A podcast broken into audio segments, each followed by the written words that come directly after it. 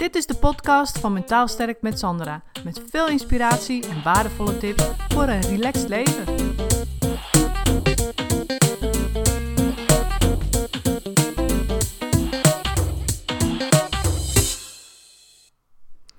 Ik zat laatst eens te denken. Eigenlijk is alles is conditionering.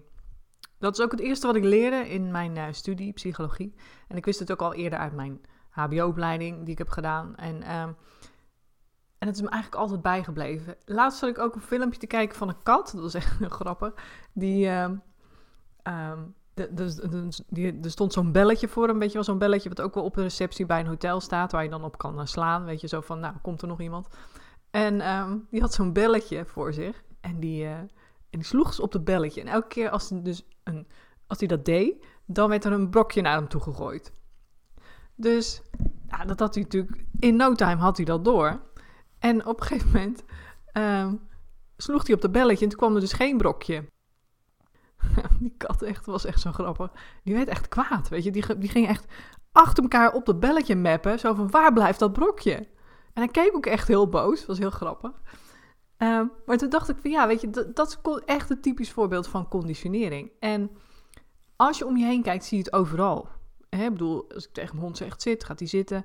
Uh, maar ook jezelf, als je voor het stoplicht staat en het is rood, dan stop je. Ja, want je bent geconditioneerd, dan moet je stoppen. Of rood is gevaar. Ja, of bijvoorbeeld, weet je, als je voor de tv zit. TV heeft je ook geconditioneerd. Dat weet je misschien niet. Maar heel veel mensen die zullen geneigd zijn om, als je voor de tv zit, iets te gaan eten. En waarom? Omdat je daar heel veel reclames ziet over voeding. En dan krijg je trek en dan ga je iets eten. Ga je toch iets pakken. Ja, dat is conditionering. Dus elke keer als je voor die tv, dan ben je toch bezig met dat eten. Ik weet niet of je, of je, dat herkent, maar ik wel. Ik eet altijd yoghurt. Ik probeer dan wel gezond te eten, maar ik eet altijd een bakje yoghurt voor de tv. En als ik dat niet doe, dan voelt dat echt heel gek. Dan denk ik, hé, klopt iets niet. TV, oh ja, is een bak yoghurt. Is dan voor mij de conditionering.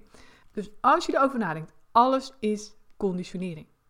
En zo ben je ook geconditioneerd in hoe je je nu gedraagt en hoe je je nu over jezelf voelt.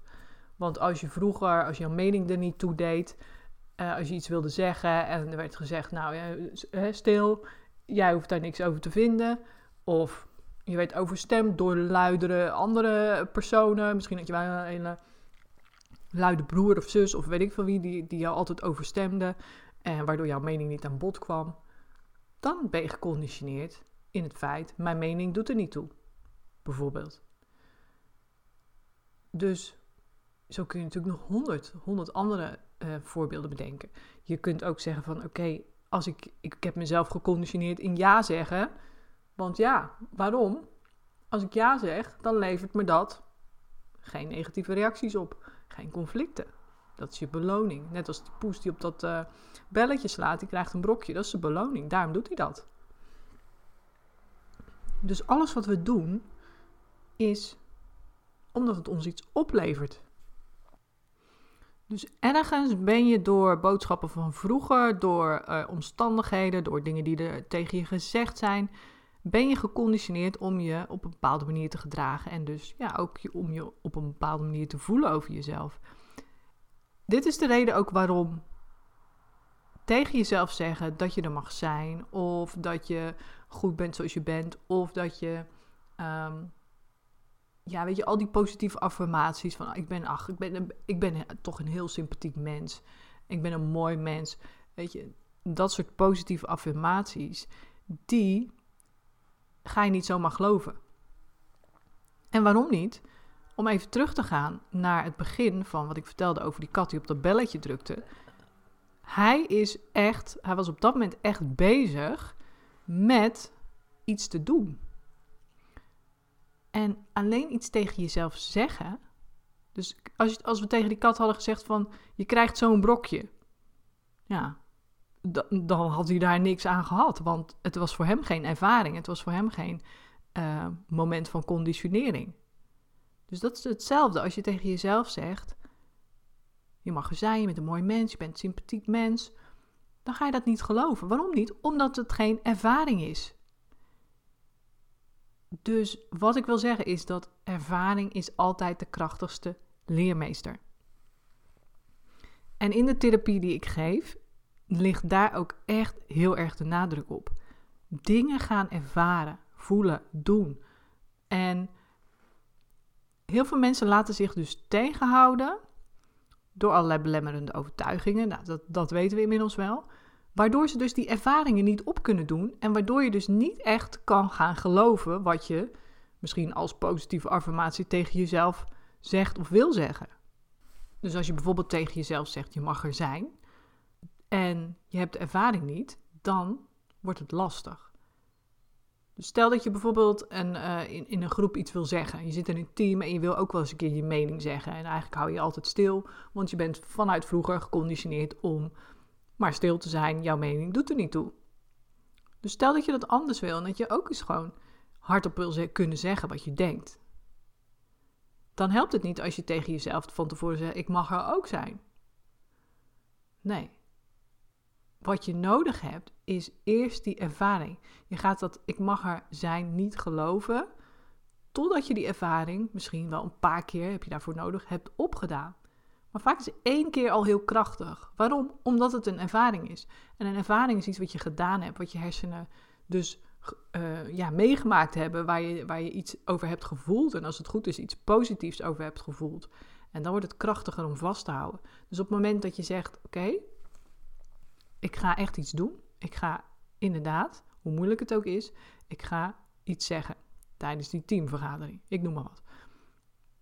En het lukt je daarna. Wat gebeurt er dan, denk je? Dan ga je dat stukje van ik mag er zijn, ga je echt voelen. Dan voel je, hé, hey, ik mag er ook zijn. Ik mag er zijn. Ik heb iets gezegd.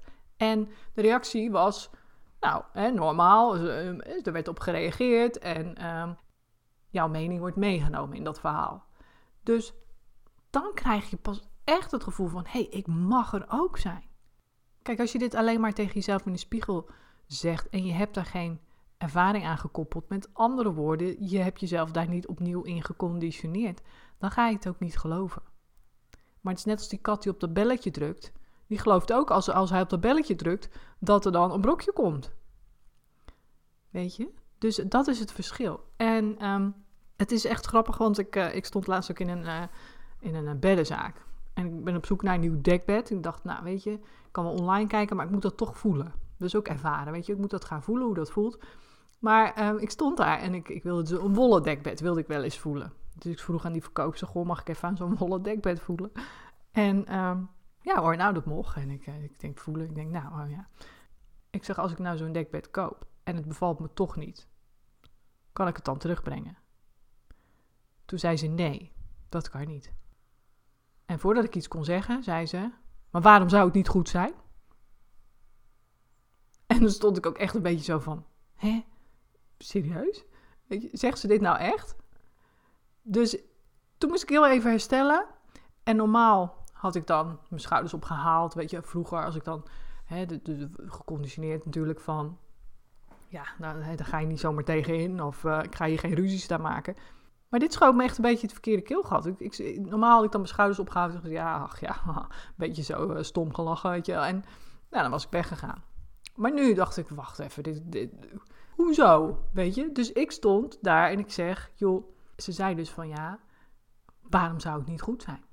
Want ik zie niemand hier dat wollen dekbed terugkomen brengen, zei ze toen.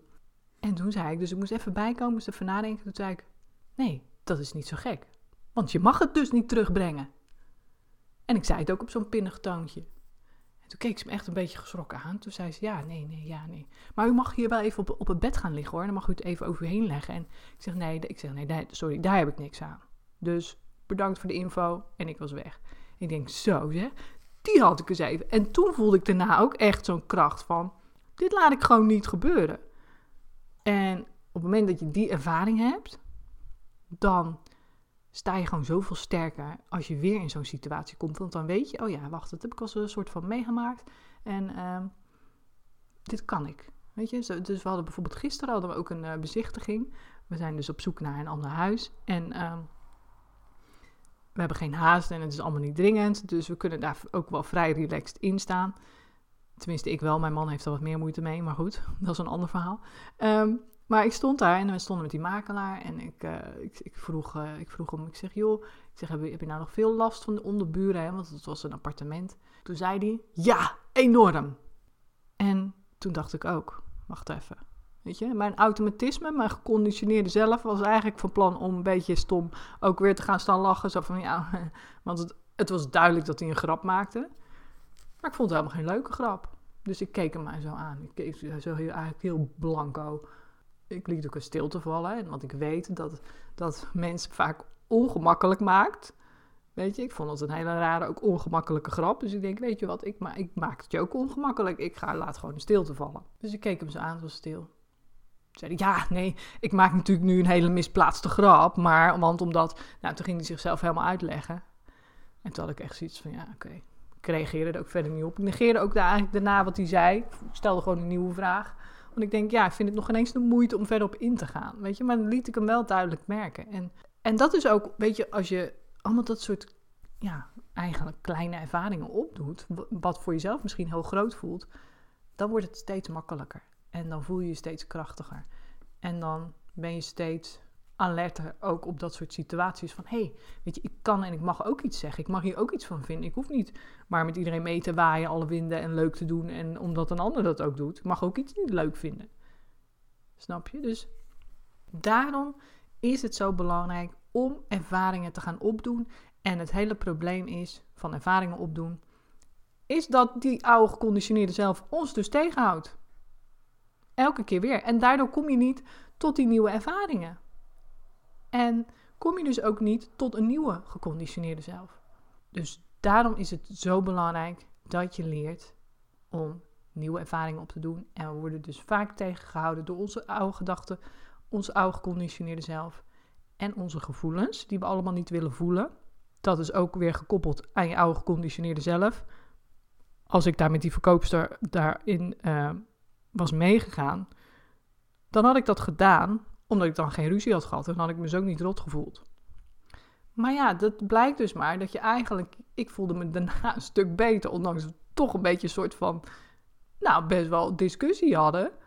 Waarin ik dus ook, ehm, nou, toch wel behoorlijk assertief uit de hoek kwam. En, maar dat voelde eigenlijk gewoon heel goed. Dus we denken vaak dat we, dat het, dat het, ja, dat je dan eh, ruzie is toch niet leuk, weet je wel. Nee, nee, dat is het niet. De ervaring van jezelf opnieuw consolideren en dus die ervaring opdoen, is de krachtigste leermeester. Dus je hebt daarvoor nodig om moeilijke gevoelens te leren verdragen. Dat is natuurlijk wat ik jou leer ook in mijn videotraining. Dus, of in mijn één op één hulp. En het blijkt dus elke keer weer hoe krachtig dat is. Hoe ontzettend krachtig dat is. Dus bij deze wil ik jou ook uitnodigen om erover na te denken. Hoe ben jij geconditioneerd? Wat doe jij nu op de automatische piloot? En welke ervaring heb je nodig om jezelf eigenlijk opnieuw te conditioneren? Dat is de vraag van vandaag. Heel veel succes daarmee. Bedankt voor het luisteren. Wil je meer weten over mijn online videotraining of wil je graag mijn 1 op 1 hulp via Skype of in mijn praktijk? Mail me dan op contact@mentaalsterkmetsandra.nl. En als deze podcast waardevol voor je is, dan kun je dit gratis initiatief steunen door een vrijwillige donatie te doen. Klik hiervoor op de link in de omschrijving van deze aflevering.